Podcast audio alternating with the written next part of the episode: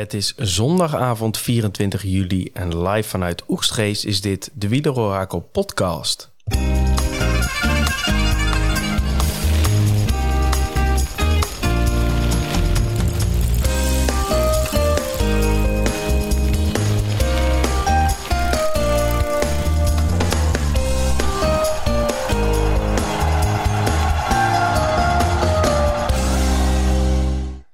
Zondag 24 juli 2022. Dat betekent dat de Tour erop zit, Thomas. Ja, Tom. Uh, het zwarte gat is, uh, ja, heeft zich gevormd. De vraag is, vallen wij erin of niet? Ik vrees het wel. ja, het was Ik... redelijk intens, hè? zowel de Tour als onze, onze content daaromheen. Maar uh, ja, nou, het, het, was wel mooi. Dat mag ook gezegd worden. ik moet wel even ja, ik vraag me wel af wat er dan morgen gaat gebeuren, morgenavond. Box meer, toch? Ja, precies. Gaan we die ook doen? Ja, ze zijn we live bij. Nee, geen ja, zonder nee. gekkigheid. Nee, uh, drie weken lang inderdaad. Ik, heb de tour denk ik nog nooit zo intensief uh, uh, meegemaakt. Met elke dag een podcast maken. Dus dat zal zeker een beetje afkicken worden. en we gaan vandaag gaan we een beetje terugblikken op, op de tour. En ook natuurlijk op de laatste rit van vandaag op de Champs-Élysées. Uh, en dat doen wij samen, Thomas, maar ook met uh, Daniel, die weer is ingebeld vanuit zijn grot in uh, Maastricht. Hm, dan zijn we weer. Goedenavond. Kijk, je klinkt kraakhelder, Daniel, dus dat gaat helemaal mooi. goed. Heb je nog een beetje genoten vandaag of, of, vrees je ook vooral het zwarte gat? ja, ik vrees wel een beetje het zwarte gat. Het was wel, wat je zegt, heel, heel intensief. Er gebeurde heel veel. Elke dag wel iets. Dus er was altijd wel een reden om even te kijken hoe de, hoe de toeretappe ervoor stond. Uh, we hebben natuurlijk nog een paar dagen uh, Tour de Femme uh, te goed. Maar dat zal toch op een andere intensiteit zijn, vermoed ik, als ik mezelf een beetje ken, dan de manier waarop de Tour de France gevolgd werd. Dus ik zie wel een beetje op tegen morgen. Ja, precies. We kunnen een beetje langzaam afkicken door toch nog een beetje de, Tour de, de Tour de France van de vrouwen te kijken. Die ook vandaag is natuurlijk gestart met een prachtige sprintzegen van Wiebes. Eh, de topfavorieten ook eh, natuurlijk voor eh, Vos. Dus ook daar weer veel Nederlands glorie. en dat kan zomaar eens doorzetten de komende week. Dus dat wordt een beetje langzaam afkicken. Het enige voordeel is dat de Vuelta ook alweer voor de deur staat. Want die start 19 augustus, dacht ik. Zeker, ja. In Nederland. In Nederland, dus dat wordt ook nog eens leuk. Week na onze wielerquiz. Wieler, ook nog. Wielerquiz. Dus op zich, uh, dat zwarte gat zal misschien uh, een bruin gat worden, Thomas. Ja, daar heb jij meer ervaring mee, Tom. Uh, ik, ik wacht het even af. Ja, oké. Laten we doorgaan naar de rit van vandaag. de Champs-Élysées. Ja. Van Aert heeft niet meegesprint. Werd, werd al in de, in de interviewtjes voorafgaand wel een beetje duidelijk dat hij daar niet heel erg trek in had. En dat hij volgens mij ook liever met zijn ploegen over de finish wilde komen. En dat, eh, dat bleek ook wel, want hij hing al veel achterin. En voor de rest, uh, nou, een beetje het normale uh, champagne geklink en uh, gekkigheid. van Aert die sprintte nog weg bij het zwiepen van de, van de vlag van de etappe. kreeg Pogacar en, en Vingegaard mee. Was nog eventjes grappig, maar verder natuurlijk niet heel veel interessants behalve de, de massasprint. Uh, hoe heb jij dat verder beleefd, eh, Thomas? Ja, mij hoef je, heel eerlijk gezegd, mij hoef je, ik vind het allemaal een beetje van hetzelfde nog meer, zeg maar, die eerste uren. En dan, weet je, dan is er zo'n een of andere Franse renner die je de hele tour niet hebt gezien, die dan weer een, een helm van een motaar op gaat zetten of zo. Ja, hoeft van mij niet per se. Hè. Ik, ik vind het mooier om dan na afloop te zien dat men uh, feest viert en dat men het glas heeft. Maar goed, het hoort erbij, dus. Nee, ja, dat is ook. En wat kunnen we over de sprint zeggen, Daniel? Het was een uh, intense voorbereiding naar de sprint toe, volgens mij. Het enige momentje wat nog een beetje interessant was voor de laatste kilometer was dat uh, Pogacar en, uh, en Ganna er vandoor gingen. Ja. Die, dat was wel mooi, peloton in het wiel. Ja, dat was wel een strafactie, ja. ja nou, maar is... toch knap dat dan zo'n DSM-rijder, ik, ja. weet even niet wie het is, uh, lijkt me soms misschien. Maar dat die gewoon daar dat gat dichtrijdt. Ja, het was wel mooi, hè? Want rechts ging Thomas uh, met, uh, met Ganna in zijn wiel. En dan links van de weg ging, ja. uh, ging Pogacar. Die ging overigens harder dan die, dan die Ineos-trein. Ja, dus, leuk. Ja, dat, ik moet zeggen, Pogacar heeft wel echt zoveel smaak aan deze Tour gegeven, ook al won hij hem niet. Hij heeft er echt met verveest hij ten onder gegaan. Ja, en het is een, hij heeft zich een goede verliezer getoond. En ook laten zien dat hij. Nou ja, gaat niet bij de pakken neerzitten. Hij volgens mij geniet hij zo van dit spelletje. dat hij toch gewoon overal en altijd er iets van probeert te maken. En dat, dat maakt het wel heel mooi, vind ik. Precies. Hey, pakken we gelijk even de top 10 van vandaag erbij. Nou, eigenlijk 11. Want uh, Mozzato, toch wel een fijne man, hè? Die werd, uh, werd elfde. 500.000 eurotjes in Scorito. Wat een koopje. Um, 10 werd Fredje Wright ook wel echt een van de ontdekkingen deze Tour de France. Ook in de, de echte kenners hem natuurlijk al uh, iets langer. Maar uh, Wright heeft uh, een serieuze stempel gedrukt en kunnen we veel van verwachten in de toekomst. Hofstetter werd 9. Ewan werd 8. Die liet het weer eventjes lopen op het einde. van Poppel werd 7. Le Croc, ook van B&B Hotels, net als Mozzato, werd 6. Sagan, nummer 5. Stuiven werd vierde. Die mocht sprinten eh, voor Trek in plaats van Petersen, die zich nog steeds niet helemaal goed voelde. Uh, Christophe, toch weer de oerviking die uh, nog wat kracht in de benen had, werd drie. Groenewegen uh, begon vroeg, maar kwam tekort, werd twee. En Philipsen won uiteindelijk oppermachtig en was ook wel de beste sprinter. Of in ieder geval de sprinter die het meeste over had aan het einde van de Tour. Um, ja, wat kunnen we daar nog van zeggen? Ja, ik vond het wel, wel opvallend dat uh, trein van Groenewegen zag er eigenlijk heel goed uit. Anderhalf kilometer voor de finish. Hij had nog uh, twee mannen voor zich en er zaten nog, uh, nog twee andere eenlingen voor het treintje van, van Groenewegen. Dus ik dacht, ja, als hij hier met de laatste kilometer in kan, dan ziet het er goed uit. Maar die, die ene laatste man moest iets te vroeg op kop komen. Waardoor uh, Mesketch en Lee dat ook al vroeg moest doen. En Groenewegen eindelijk, eigenlijk te vroeg op kop kwam te zitten. Trok hij nog even weer naar het wiel van Mesketch toe, maar ja, is toch, toch te vroeg zijn, eh, zijn sprint in moeten zetten, denk ik. Uh, ik had het nog moeten zien als hij echt vanuit het wiel van een uh, ploeggenoot 200 of 150 meter verder had mogen sprinten. Eigenlijk deed Groenewegen een perfecte lead-out voor Philipsen.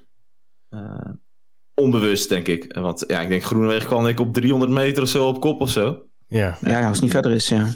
Ja, dat is, natuurlijk, dat is natuurlijk te vroeg. En dat kwam volgens mij ja, dat, dat, tussen Mesgets en Groenewegen. Want Mesgets liep ook een beetje achterom te kijken. Van hoe zit dat nu? Hè? Hoe lang moet ik hier nog mhm. doorrijden? En toen kwam er nog eentje ja, daarvan. Hè, dat was dan uh, Pedersen al licht. Hè? Daar, waar, daar ging Groenewegen nog even een halve seconde in het wiel. En toen dacht hij van ja, weet je, die houdt zijn benen stil. Dat is ook niet handig. Dus toen ging hij maar aan. Uh, ja. ja, en dat was ideaal voor Philipsen. Want ik denk Groenewegen rijdt wel echt een goede sprint. Dat, daar ben ik van overtuigd. Want die wordt gewoon nog tweede. Ja, ja. sterk, ja. Maar ja, Philipsen die won wel echt met uh, eh, 33 fietslengtes. Dus uh, wat mij betreft ja, uh, meer dan terechte winnaar hier. Absoluut. Ja, goed. Goede, goed slot van de Tour gereden, Philipsen. Ja. Um, ja, gaan we verder terugkijken naar de Tour. En dat doen we even aan de hand van drie elementen. Want ik heb jullie allemaal gevraagd om het mooiste moment van de Tour te kiezen... Eh, het meest tegenvallende moment en ook een eindcijfer te geven aan de Tour. Um, en wat mij betreft mag jij uh, aftrappen, Daniel. Ja, het uh, mooiste aan de Tour. Ik, was de tweede die hem invulde. En jij had al twee, twee mooie momenten ingevuld, Tom. Dus ik dacht, dan ga ik op iets anders zitten. Maar ehm, het was echt elke etappe koers. Dat vond ik het wel het meeste, wat het meeste bijblijft van, van deze Tour de France. Um, ja, er was geen, eh, geen saaie etappe. Er werd altijd koers gemaakt door, eh, door de grote namen. Maar ook eh, voor in de, in, de, in de ontsnapping, maar in, in het klassement erachter ook in de bergetappes. Dus er was, het was altijd wat te beleven. Nooit een, nooit een saaie etappe. Dat blijft me wel erg bij. Ja, en wat, en wat daarmee naar voren komt, is hoe zo'n ongelofelijke uh, uh, topsporter je wel niet moet zijn als je zo'n Tour de France wil rijden in zo'n peloton. Dus zoveel respect voor die, voor die renners. Wat voor prestatie die gewoon drie weken lang dag in dag uit leveren ik denk dat ik nog niet zo onder de indruk ben geweest van, uh, van de Tour en van, van wielrenners in het algemeen als uh, tijdens deze Tour de France. Het is echt uh, bizar knappe prestatie om zo'n grote ronde uit te rijden. En de Tour de France is dan nog wel iets anders dan een, dan een Giro en een Vuelta, denk ik. De intensiteit en grootheid van zo'n wedstrijd. Ja, je komt er straks ook nog wel op terug met wat statistieken, neem ik aan. Ook over de, de snelste Tour ooit onder meer. En um, ook misschien wel iets over het aantal afvallers. Mm Um, Want dat, uh, ja, het was wel weer een pittig toertje uh, met enerzijds heel intensief en anderzijds natuurlijk ook gewoon het coronaspook wat uh, een aantal renners heeft weggetikt. Ja. Um, gaan we even door op die mooiste momenten, Thomas? Ja, heel veel mooie momenten gezien deze, deze tour. wat mij bij zal blijven aan, aan deze tour is, is wel dat, dat het hebben van een, een team eh, een heel goed team. En ook echt uh, ja, een, uh, een gevoel van samenhorigheid. Dat dat, dat dat echt heel belangrijk is. En zeker is geweest in deze tour. Ik denk, en dat doe ik natuurlijk op Jumbo. een paar cruciale momenten daarin. Hè? Dat is de, de, ritzegen, de ritzegen van Wout van Aert in Calais. Waar ze eigenlijk met het hele team hem lanceren. Waar hij in de gele trui naar de zegen gaat. Toen zag je al van, hé, hey, die zijn wel in orde. Een heel belangrijk element wat niet echt, uh, wat niet echt uitgelicht wordt, maar is dat uh, Vingegaard natuurlijk ook zijn tour al. Uh, nou, ik wil niet zeggen dat hij hem had kunnen verliezen, maar dat hij in ieder geval met een hele grote achterstand aan de bergen zou zijn begonnen.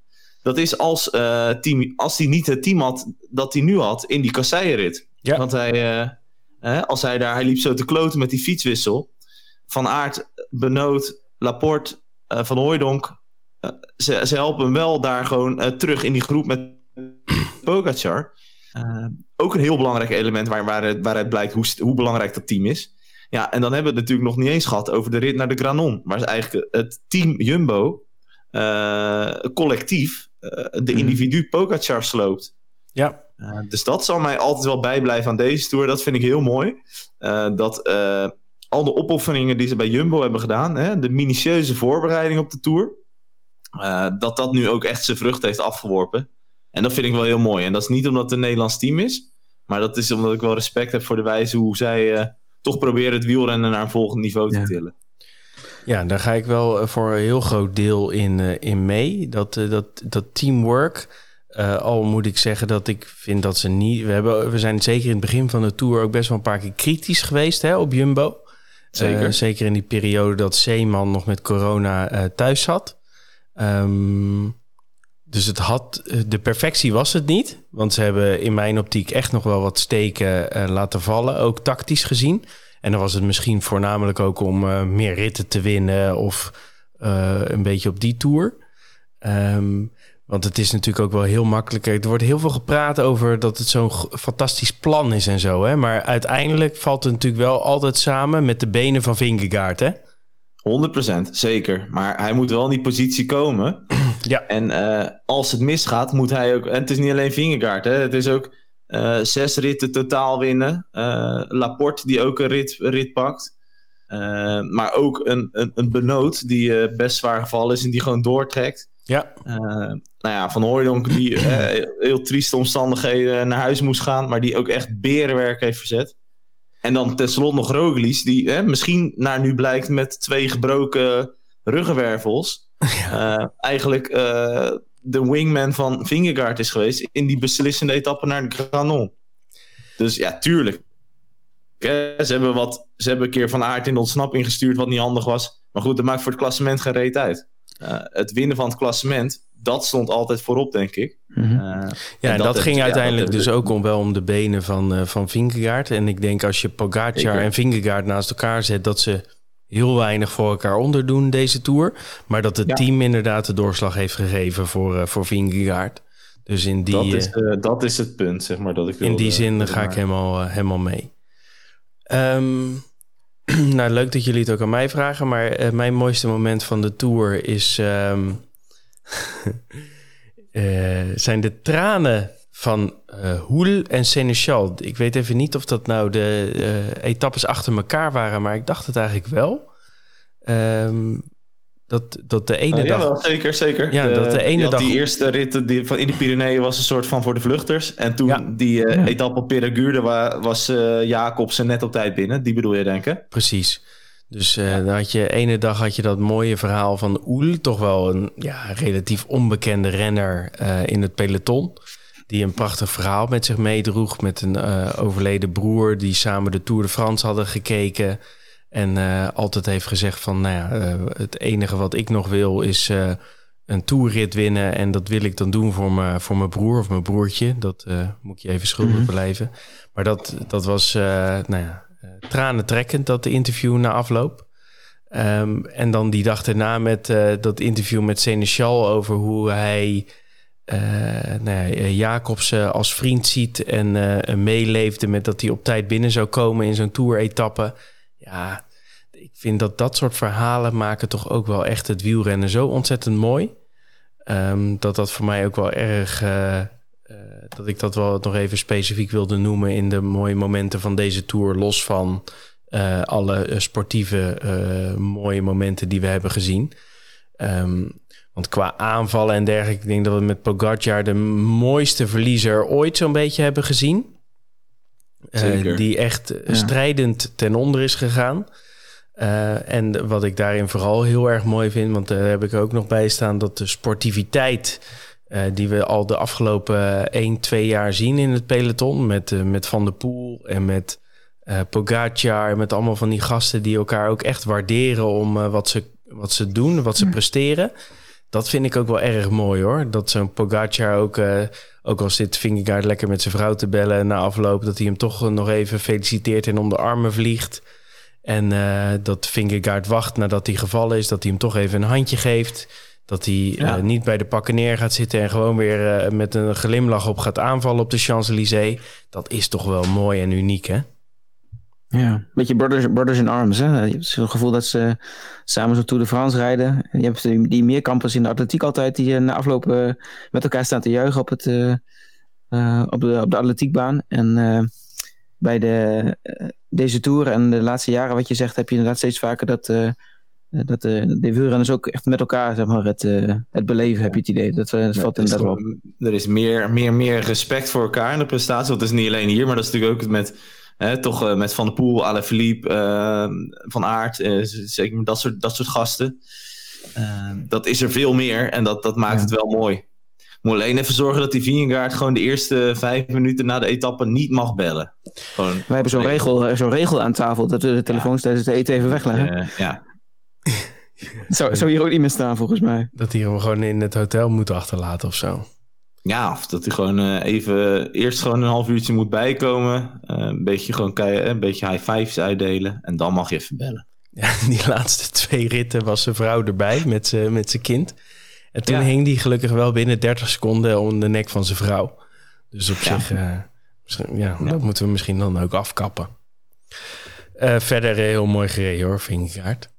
Um, mm. Gaan we naar de, de meest tegenvallen na deze mooie tour. Uh, was misschien even zoeken voor, voor ieder. Maar no. Thomas, zeg het maar. Ja, nou, hij was zeker zoeken dit. Uh, eigenlijk heel weinig ritten waarvan ik echt dacht... Poeh, wat, wat zit ik hier te kijken? Dat was de de rit die Laporte won, eerlijk gezegd wel. Hè. Dat was een heel, in mijn ogen, saai rit. Maar goed, dat was even bijkomen van alles wat ze gehad hadden. Als ik dan kijk naar wat het meest uh, tegengeval is ten opzichte van wat ik er initieel van had verwacht, dan ga ik toch voor de kasseirit. Uh, ik vond dat daar weinig, uh, dat alleen door pech was er wat spektakel. Hè? Door valpartijen, door lekke banden, dat soort zaken. Maar de rit zelf bracht voor mij niet, niet hetgeen wat ik er aan de voorkant van had verwacht. Dus die, ja, die noem ik dan daar als, als tegenvallend iets. Snap ik. Jij, Daniel? Ja, eigenlijk zo'n uh, voor, voor, vooraf verwachtingsmomentje ook van, van een van de ritten in, in Denemarken. Dat werd echt gezegd, hè, van nou als het hier zo waait en dat is bijna 90% kans dat, het, dat de wind goed staat, dan wordt het een heroïsche finale.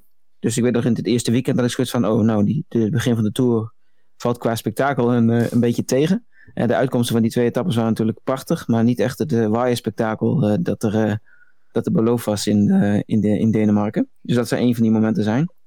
En ik zat te denken binnen, binnen Jumbo-Visma, alles wat ze bereikt hebben deze Tour, fantastisch. Alleen is dan toch nog wel de heroïsche rol van een Nederlander in, in dat team.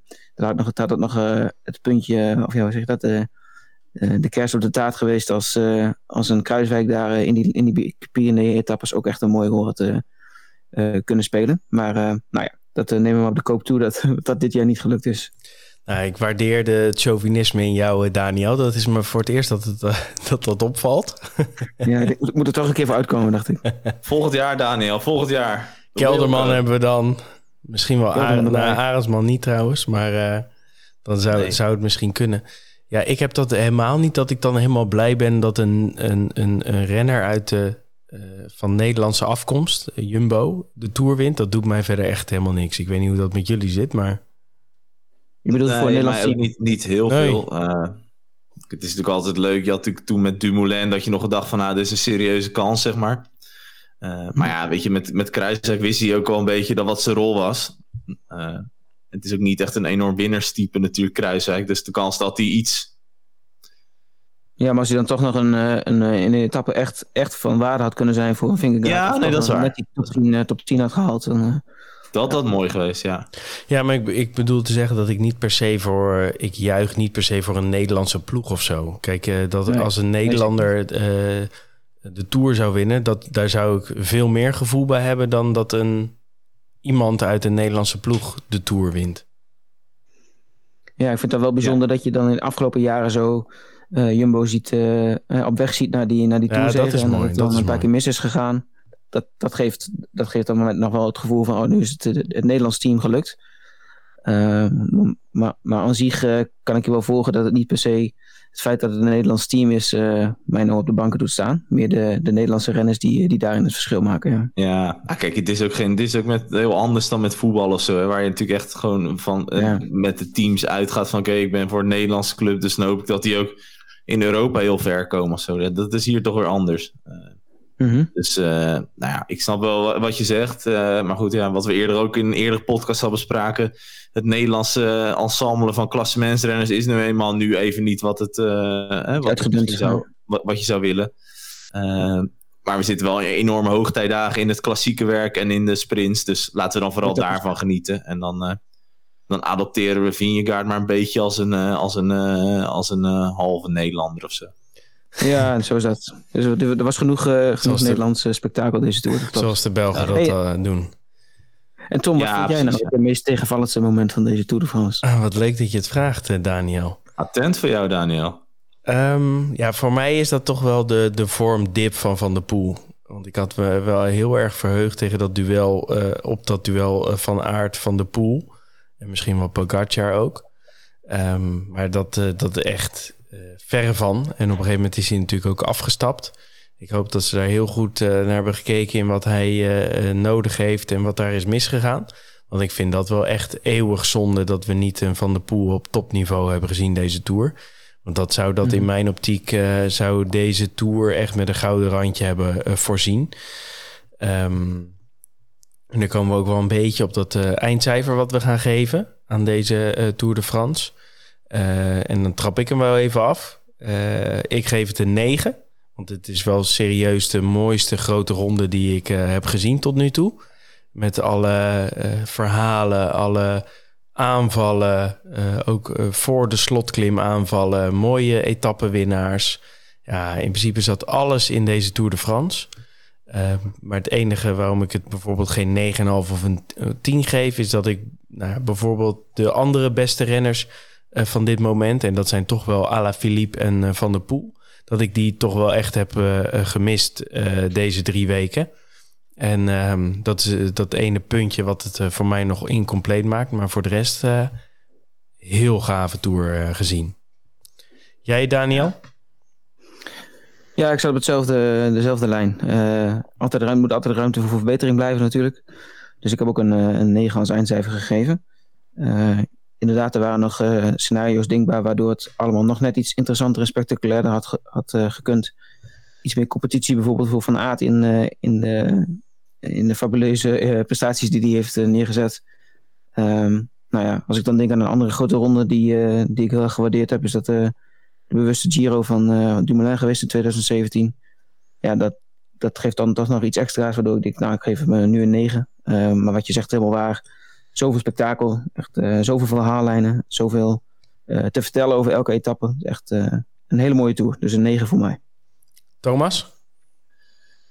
Ja, qua argumenten ga ik met jullie mee. Qua cijfer heb ik hem op een 9,5 gezet. Ik, eh, ik heb er echt enorm van genoten van deze tour. Ehm, ik denk dat er, eh, wat ik net zei, dat er heel weinig momenten zijn dat je voor de buis zat en dat je dacht van, boh, waarom zit ik dit eigenlijk te kijken?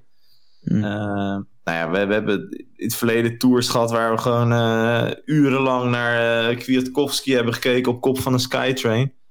Ja, we hebben een post gehad dat we naar, naar enorm voorspelbare tours hebben gekeken. Ja, ik heb hier echt van genoten. En ook dat er naast de strijd om, de, om het klassement ook gewoon heel veel andere strijd was op allerlei gebieden. En dat je hier zag dat, uh, nou ja, ze hebben het wel eens over het oude wielrennen, Maarten Ducro en Herbert Dijkstra. Die overigens nu ook de oude commentatoren zijn, hè? want die, die stoppen allebei volgens mij. Ja, Herbert was al gestopt, toch? Ja, maar in, in gedachten leeft hij voort. oh, Herbert. dat. Ja. ja, nee, maar dat oude wielrennen met gewoon met z'n allen wachten, wachten, wachten en aan het eind heel hard de laatste berg oprijden. Dat, dat je nu ziet dat het echt, dat die, dat die nieuwe generatie, dat het echt zulke liefhebbers zijn van die sport. Die ook gewoon, ja, die niet meer gewoon binnen uh, standaard kaders denken. En die ook deze mm -hmm. tour hebben laten zien. Dat weet je, dat Pogacar in de aanval gaat in de kasseirit. Uh, dat ze twee bergen van tevoren al beginnen met aanvallen. Het plan van Jumbo uh, richting Granon. Ja, prachtig. Ik heb daar echt intens van genoten. En daarom geef ik de 9,5. Ook omdat ik dacht, van, ja, ik kan ook wel zeggen 9, maar ja, dat zal wel weer met je, dat halve puntje zal weer met je Scorito dingen en zo te maken hebben. Maar goed, Daniel, ja, kan jij... Dat, maar daar komen ze ook, denken. Daniel, kun jij verder gaan met je, uh, met je statistieken in vogelvlucht? Ja, zeker kan ik dat. Uh, ja, op statistisch gebied uh, ook genoeg te beleven deze Tour de France. Als eerste naar het eindklassement kijken. De afstand tussen de nummer 1 en de nummer 10 in het klassement is 24 minuten 53, als ik het goed heb. Ik zeg het even uit mijn hoofd. Ja, enorm gaat. Uh, bijna 52, Daniel. Ai, seconde ernaast. Ja. Dus de, nou, ja, e enorm gat. Afgelopen jaren is het niet zo groot geweest. Vorig jaar was het uh, dikke 18 minuten. Uh, en de laatste keer dat het uh, zo'n grote afstand tussen nummer 1 en nummer 10 was, is in 1997 geweest toen Ulrich won. Dus dat zegt wel genoeg over uh, de, de zwaarte van deze tour en uh, hoe hard er gereden is. Wat je zo meteen ook bij de gemiddelde snelheid wel zult zien. De afstand tot de nummer 30, als we iets verder kijken, is 2 uur en 2 minuten. En het was in het coronajaar 2020 nog iets, iets meer, 2 uur 6 minuten.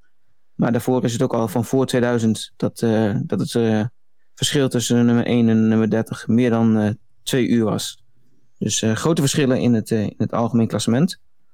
En uh, ook het grootste verschil tussen nummer 1 en 2 in het jongere klassement. Uh, het verschil tussen uh, uh, Pogacar en Pitcock was deze editie. Ik ga het er even snel bij zoeken, want die heb ik niet genoteerd. 58 minuten en 32 seconden. Nou, dat is veruit het meest van. Bijna een van uur gewoon, hè? Onvoorstelbaar. Ja, dat zeiden we ja. toch aan de voorkant al dat die wedstrijd voor dat de wit dat dat echt wel redelijk saai was, zeg maar. Dat er heel weinig ja. echte kandidaten meededen. Nee, klopt. Het is echt uh, een enorm verschil in die, in die witte trui uh, klassificatie. Ja. En, en het, uh, ja, dus de, het grootste verschil in de historie van de, historie van de Tour de France. Dus dat zegt ook wel iets over het verschil tussen Pogacar en de rest van de jonge renners. En volgend jaar mag hij gewoon nog een jaar meedoen om de witte trui. Ja, dat is helemaal bizar, bizar hè? Ja, ja. Ja, ja, we hebben het al over Jumbo gehad. ongelooflijk, op zes dagen na elke dag de gele trui. Uh, 16 keer top 3 in een etappe. Uh, 6 over etappe-overwinningen.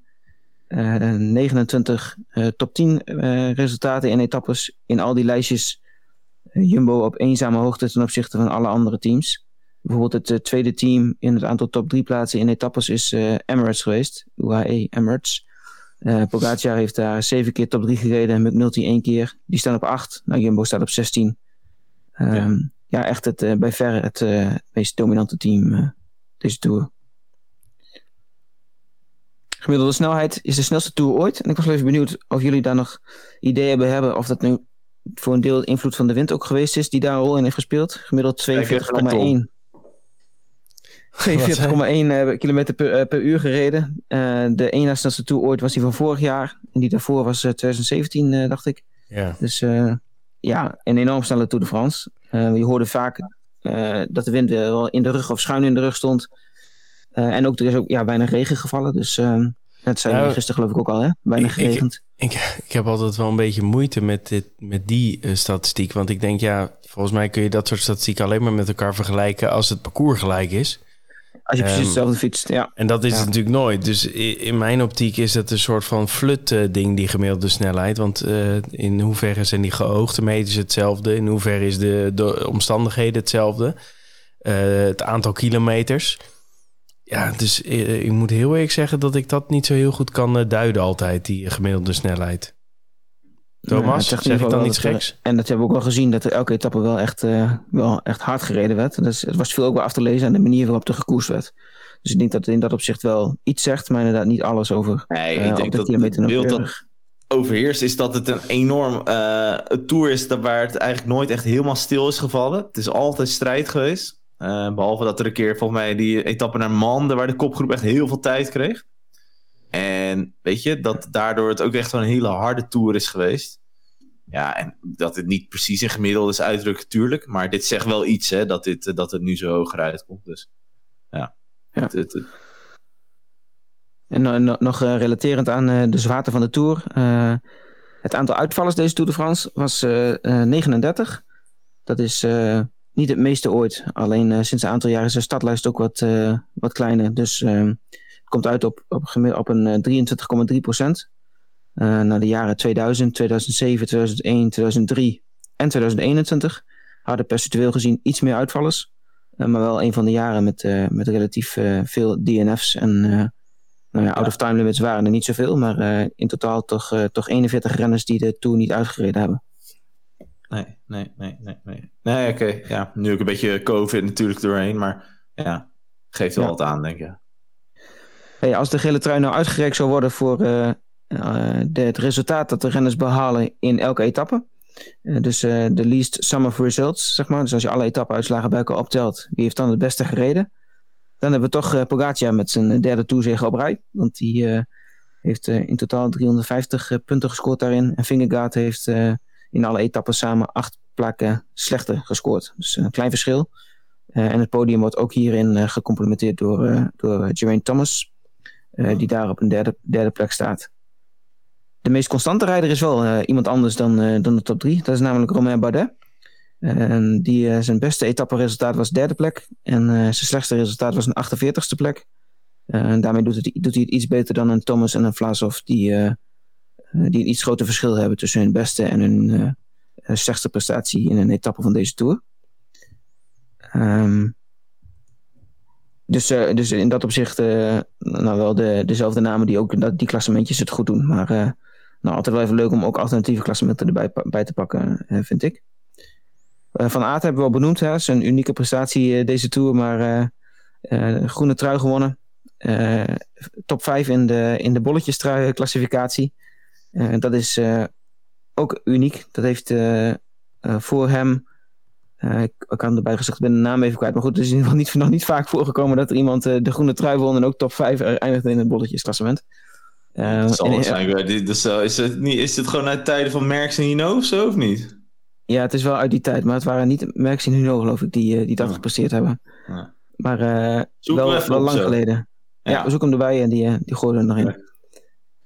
Eh, ja, Geraint Thomas, we noemden hem al. Hè. Hij heeft op alle plekjes van het podium gestaan in de Tour de France. En dat, ook dat is nog niet vaak gebeurd.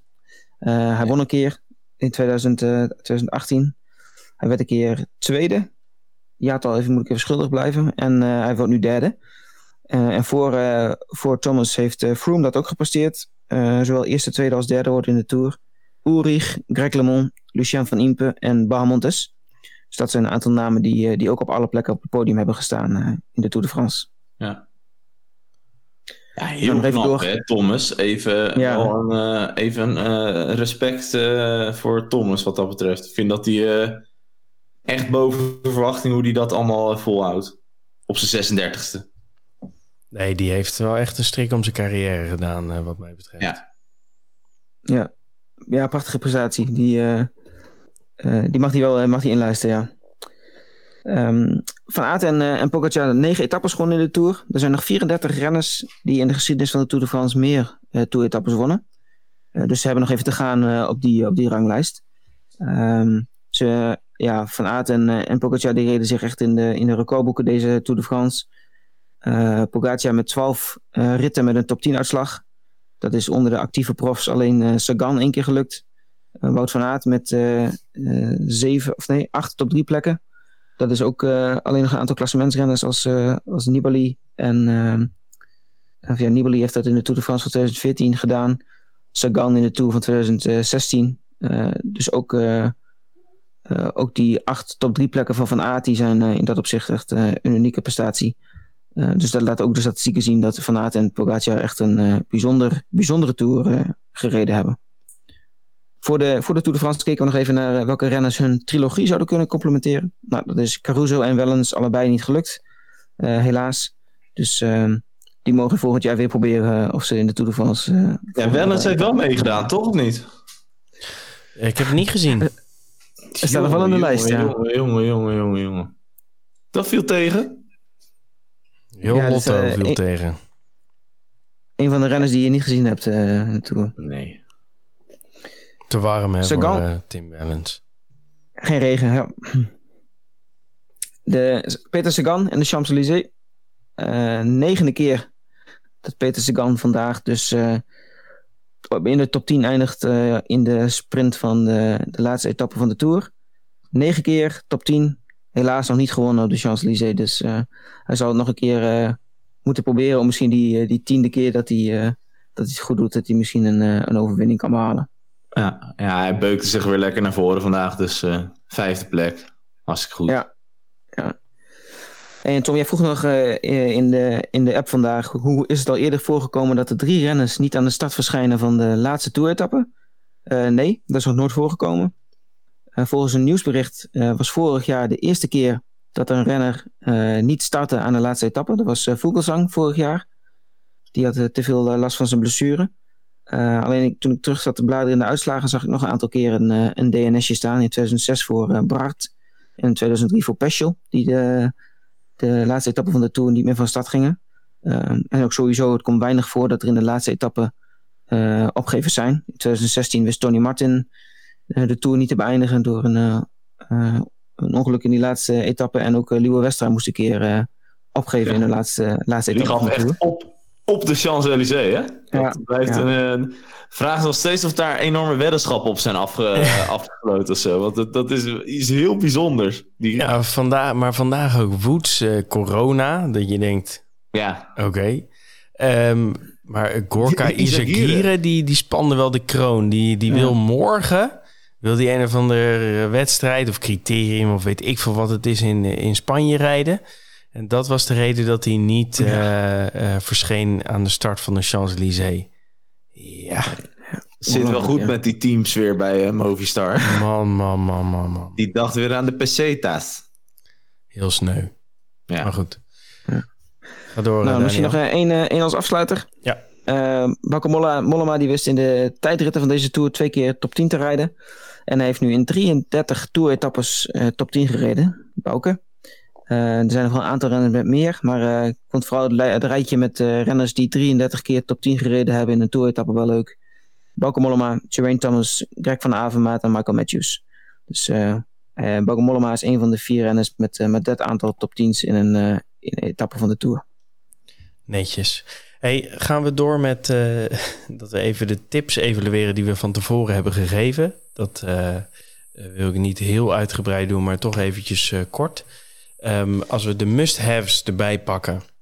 Daniel, jij had Fingergaard, O'Connor en Philipsen. Nou, je must-have Fingergaard was netjes. Uh, redelijk gepresteerd. Ja. Uh, O'Connor was dramatisch, hè? Dat was niet zo best, hè? Nee, O'Connor heeft echt een flut tour gereden. Ook om, natuurlijk omdat hij gevallen is. Dus in die zin, ja, dat heb je altijd wel. Een paar van die gasten die wel goed in vorm ja. zijn en die vallen en daardoor uh, uitvallen of ja, uh, niet presteren. Dus ja. Uh, ik denk nog steeds... nu opeens weer dat hij, uh, die aan de, aan de voor, voor die etappe van, waar hij in, uit, waar die in te val kwam, O'Connor had hij toch ook aangegeven dat hij het zo spannend vond en nerveus was voor die, ja. voor die kasseien. Ja. ja. Dat zegt wel weer genoeg. Hey, en Philips natuurlijk wel raak, hè? Want die... ja. Nou, twee goede sprintzegens en weer een paar goede noteringen. Dus Philips helemaal, helemaal mee. Thomas, mm-hmm. jij Kung, Philips en McNulty. Wat vond je ervan? Uh, Kung viel me wat tegen. Maar dat kwam ook omdat Hè, die week daarna dat, dat wij die podcast hadden, werd natuurlijk bekend dat hij corona had gehad. Kleine verzachtende omstandigheid, maar hm. ja, verder niet heel veel gezien. Philips vanzelfsprekend prima. Ja, McNulty puntengewijs in Scorito haalt hij nog wel veel punten. Maar uh, ja, verder rest hebben we hem natuurlijk maar in één etappe gezien. Hè? Uh, toen had hij, uh, was hij in de pot met toverdrank gevallen. En dan kon hij, kon hij opeens Peragude en, en die klim daarvoor gewoon als snelste beklimmen. Dus. Ja, en McNulty was natuurlijk vooral voor jou een tip, omdat, hij, omdat het idee was dat Pogacar natuurlijk de Tour zou winnen en wit zou pakken en misschien zelfs de bollen. Ja. Um, goed, alsnog... Die McNulty die, die wordt nog wel derde in het jongerenklassement. En die heeft nog wel tien punten gehad ook. Dus Scorito-wijs scoort hij nog best wel veel punten. Ja, maar, dat denk ik eh, ook. Dus uiteindelijk is dat een goede keuze geweest.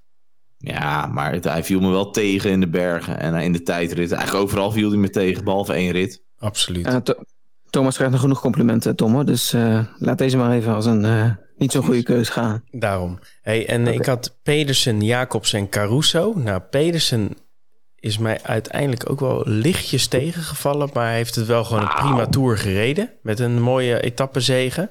Hij werd natuurlijk aan het eind ziek. En heeft daardoor uh, twee sprintjes moeten laten lopen.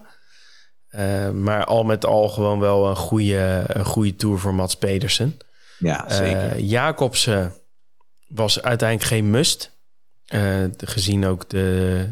omdat jij zonder bent gegaan, Thomas. Sterker nog, ik denk dat Jacobsen uh, dat het achteraf slim was geweest om hem niet mee te nemen hè, voor 4 miljoen uh, uh, euro. En je hmm. geld beter elders te investeren. Al met al heeft Jacobs in mijn optiek geen slechte tour gereden, want hij wint gewoon een rit. Um, maar goed. Ja, het ligt ook wel een beetje aan de tour. Hè? Want Jacobs heeft volgens mij maar twee keer gesprint, toch? Ja, echt heel weinig. Dus alleen, was alleen die eerste twee ritten. Het was ook echt geen tour voor pure sprinters. Dus, nee, nee.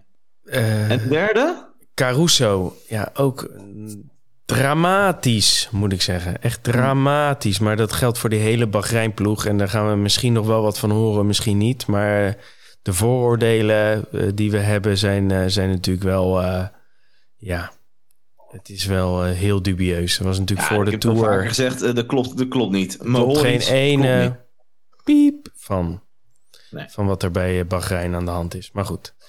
de don't haves. Daniel, jij Adam Yates uh, Ewan en Lutsenko. Mm -hmm. Ja.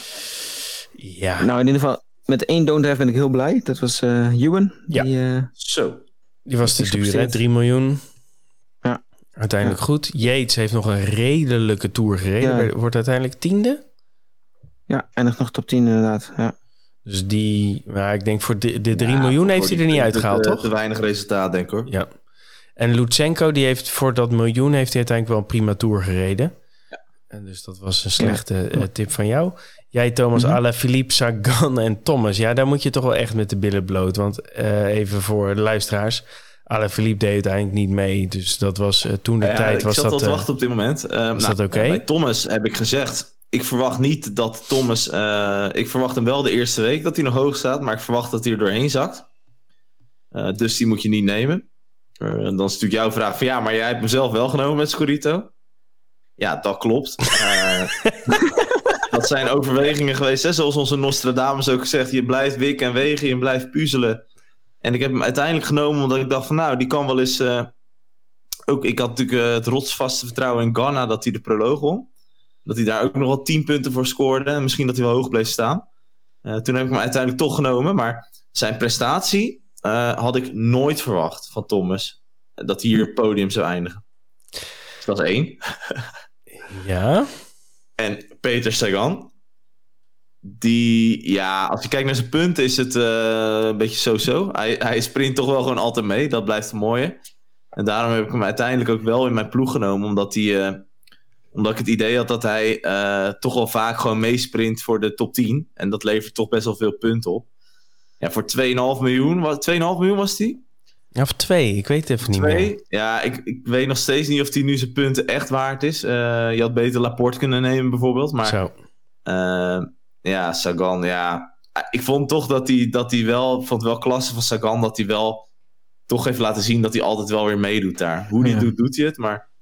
Ja, maar even... Twee van je, uh, Twee van je drie uh, don't haves meenemen, dan uh, ja. moet je minpunten ja, zeg maar, Hoe kunnen de mensen, als wij straks die Vuelta voorbeschouwing opnemen... hoe kunnen wij jou nou vertrouwen in je don't haves? Want dat, dat is nu de enige vraag die, ja. die nog de rest... Ja, ik denk het enige wat je kan doen is een dag van tevoren vragen aan mij... joh, heb je nog, wat, voor, wat voor keuzes heb je uiteindelijk gemaakt? Want we zitten natuurlijk wel een week van tevoren met die voorbeschouwing... en de eerlijkheid gebiedt mij wel te zeggen dat ik dan nog echt wel... dat mijn team dan eigenlijk nog niet helemaal helemaal uh, in beton gegoten is. Helemaal niet eigenlijk.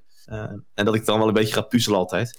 Uh, okay. Dus laten we ons voor de Vuelta afspreken dat we de, de, de dag voor de Vuelta dat we, dat we onze teams delen. Of dat we zeggen, ja. oké, okay, wil je nog ergens op terugkomen? Ja, mijn laatste vraag daarover is, Thomas, kan jij jezelf nog in de spiegel aankijken? ja, zeker. Oké, okay, vooruit. Hey, ik had uh, Pitcock, Godu en Bardet. Nou, dat is natuurlijk een totale mispeer geweest in Don't Haves. Um, mm. Bardet, die was wel echt 3 miljoen. Ik weet niet of die zijn punten, zeg maar, qua 3 miljoen eruit nee, heeft gehaald. denk ik niet. Denk het ook niet. Maar goed, die heeft Andere wel, twee waren heeft wel echt beter gereden dan ik van tevoren had gedacht. Datzelfde geldt voor Gaudu. Uh, met uh, ja, twee, ja. ja. die was ook wel relatief duur, 2,5 miljoen. Uh, maar die is, uit, miljoen, ja. die is uiteindelijk vierde geworden en die heeft zijn geld wel opgeleverd. Dus daar ben ik de mist in gegaan. En Pitcock, ja, dat was een, is natuurlijk ook een beetje een gibbergapje. Um, want was die uiteindelijk 2 miljoen? Of? 2 miljoen. Um, ja, heeft het ook wel beter gedaan dan ik dacht. Maar die is er aan het eind ook wel weer keihard doorheen gezakt. Um, dat zeg je iets te hard, uh, Tom. Keihard doorheen gezakt, uh, Pitcock. Ik weet nog steeds niet. Ik zou een volgende keer, weet ik nog niet wat ik ermee doe. Maar goed. Hey, um, de one-halves die, die laten we even voor, uh, voor wat het is omwille van de, van de tijd. Um, ja. Dan gaan we naar het uh, hoofdonderdeel van deze podcast, uh, Thomas. En dat is de Stads versus Guts. ja, we, dat was nog wel spannend gisteren, hè? Die we hebben gespeeld. En de, even voor de Ik ben benieuwd of er überhaupt nieuwe luisteraars zijn. Maar uh, we hebben een, een, puntentelling bijgehouden tussen de computer, mij en Thomas. En dan kreeg je elke dag konden we een podium invullen en kreeg je drie punten als je de winnaar goed had. Twee punten voor een goede podiumplek. Dus tweede als iemand tweede wordt, krijg je twee punten. En uh, podium goed op een willekeurige plek is één punt. En uh, nou ja, uiteindelijk um, hebben we nou, was het heel close, eh, de laatste etappe, want dat moest echt het uh, verschil maken. En we gingen de laatste etappe in met tussenstand 34 punten voor de computer, 39 voor mij en 37 voor jou. En de um, podiums die we hadden voorspeld was Philipsen, Jacobsen, Van Aert voor de computer. Ik, Jacobsen, Van Aert, Philipsen voor mijzelf. En jij had Philipsen, Van Aert, Groenewegen. Ja, en dat is toch wel het, het, het ontzettend trieste uh, verhaal. Is dat jij nu ook hier, net naast jouw uh, toch wel indrukwekkende uh, Scorito scoren. Waarin je weer een gouden bekertje hebt binnengehengeld. Ja, ook hier aan, het, ja, aan de, zege, de zege pakt. 41 punten, Thomas. Ja, ik krijg het bijna niet mijn strot uit, maar ik moet je toch feliciteren. Dankjewel, dankjewel Tom. Het was een, uh, een zware strijd. En ik ben blij dat jij, uh, net als Pogacar, toch een, jezelf een goede verliezer toont. Uh, dat wordt zeer gewaardeerd. het was wel spannend, want we, we wisten natuurlijk van... ja, we, als Philipsen zou winnen, zou de kans groot zijn... dat we in ieder geval gelijk zouden eindigen. En ook Groenewegen deed goed mee, dus ja... Uiteindelijk is Groenewegen de man die jou de, de zegen... ja, ja, of Philipsen, hoe je het ziet. Maar... Um, ja. Uh, Groenewegen pakt uiteindelijk dat beslissende puntje, waardoor jij op 41 punten komt. Ik had 40 punten en de computer 37. Ik denk sowieso. Wel spannend. Dus het, ja. is wel, uh, het, is wel, het geeft wel aan, denk ik, dat, dat, uh, dat zowel de stads als de guts, dat het allebei een manier is om tot een, tot een, tot een goede voorspelling te komen. Tot een gedegen voorspelling te komen, ja. Dus dat is uh, uiteindelijk leuk. Hey, en we hebben ook op Scorito hebben we een, een poeltje gemaakt hè, met, uh, met onze podcastredactie. Dus jij, Thomas, ik, Daniel en Arjan. En mm. Daniel die is licht euforisch, want die is op de allerlaatste dag is die Arjan de computer voorbij gegaan. Arjan, of Daniel, hoe, hoe voel jij je nu? Ja, het voelt wel, voelt wel goed om uh, te winnen van de computer. Toch nog, uh, toch nog binnengesleept op de laatste dag. Was uh, met de Giro ook zo. Dus nou, Derde Heb plek nog een bekertje, Daniel, of niet? Ik heb, ik heb geen idee. Ik denk het niet. Denk het ook niet. Nee, vast niet. Vast niet. Ik denk Nee. het ook niet. Da- Dank je voor je vertrouwen. Nee, dat, eh, volgens mij moet je dan boven de 95% hebben. Ja, ik zit, Nee, net dat- boven net die, ik zit net boven die 95%. Ik heb dus een bronzen bekertje. Daar had ik al niet genoeg van. Dus dat, eh, dat is netjes. Thomas en gouden. Dus eh, nou ja, weer genoeg om eh, de Vuelta... eh, nou ja, genoeg moed om de wordt Vuelta in gezegd dat jij een beetje een Vuelta-kenner bent, toch Tom? Zeker, ik piek altijd heel goed aan het eind van het jaar. Dus eh, de Vuelta, die, eh, die moet het wel gaan worden voor mij. Maar ehm, ja, rest nog eh, dank aan de, eh, aan de luisteraars. Dank dat jullie ons eh, dagelijks, want er zijn er best wel veel van eh, die ons dagelijks hebben gevolgd. Eh, dank ook aan, eh, aan jullie mannen. Thomas, of Daniel, je hebt nog een nieuwtje? Nou moeten we de runner-up niet van de... Of de, de, run- de runner-up, niet mij horen. De winnaar van de, van de dat te sub- slappen. Subleague... eh, Dat is nog wel leuk. Doe je Zal even de top drie uitlopen? anders. Ja, op nummer drie. eh, Roland eh, Mater. Op eh 6493 punten. Met een dikke eh 67 punten meer. eh Swift Boys 8 op de tweede plek. En op de eerste plek, die zijn naam dus niet eer aan doet, is geëindigd eh, runner-up. En dat is Aard Zomer. Die heeft eh, de Wieler Oracle Sub League eh, als winnaar afgesloten. Aard Zomer. Mooi. Prachtig. Gefeliciteerd Aard. Nou ja, heel knap, want we hebben ook wel kunnen zien dat de, de, eh, het niveau van de Wielerorakel Subleague wel behoorlijk hoog was. Bijna 2500 man. En Thomas die stond geregeld eh, op andere plekken één, terwijl die niet één stond in de, in de Subleague. Dus dan eh, weet je wel hoe het, hoe het niveau is. Ehm, maar goed, dank. Ook dank jou, Daniel, voor jouw input gedurende de drie weken. Thomas, Ja. mijn podcastmaatje gedurende drie weken.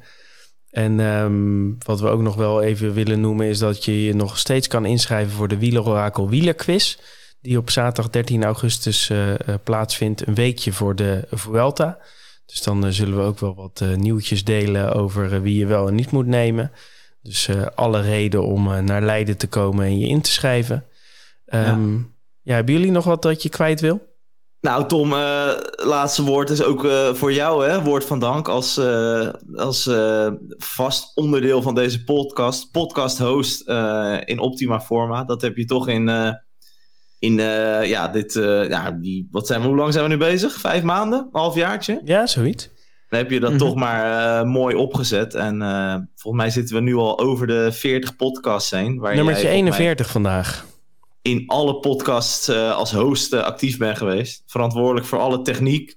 eh, verantwoordelijk voor alle afspraken die ingepland worden. De, de, de, de spreadsheets die wij bijhouden om een en ander voor te bereiden. Dus ik kan niet op die knop drukken, maar als hij dat zelf zou willen doen. Want ik vind het wel ontzettend knap hoe jij dat al die afleveringen achter elkaar zo weet te draaien. Hartstikke goed. Nou ja, mooi. En ik hoop, eh, nee, gezien eh, het publiek wat eh, luistert en blijft luisteren, doen we in ieder geval iets goed met z'n allen. Dus eh, Zeker. Er ontstaat een mooie community van wielervolgers en eh Scorito of, en andere poeltjespelers. En die community, dat is een hele mooie. En eh, nou, laten we vooral met elkaar... eh, ik denk dat we de komende tijd nog heel veel gaan twitteren over van alles en nog wat. Eh, we gaan naar de Wielerorakel Wielerquiz. En we gaan gewoon weer door naar de Vuelta. Dus er komen nog weer hele mooie tijden aan. Maar de laatste drie weken waren ook toch wel echt schitterend. Met, eh, zowel met de Tour eh, als met eh, de interactie met luisteraars. Als met de interactie met jullie hier in deze podcast. Eh, Ja. Echt iets waar ik enorm van heb genoten. zeker. Dat zwarte gat of dat bruine gat waar we het over hadden. nou, dat- daar komen we wel doorheen, joh. Ja, hey, Mooi voor, gesproken, mooi gesproken. voordat we emotioneel worden, genoeg energie om, eh, om weer door te gaan met Wielerorakel en alles wat daarbij hoort. Er komen ook nog genoeg mooie plannen aan, maar, daar, eh, plannen aan, maar daarover later meer. Ehm, dank mannen. Eh, ik zeg eh, morgen niet verder. We nemen even een kleine adempauze. Dus ik zeg tot later.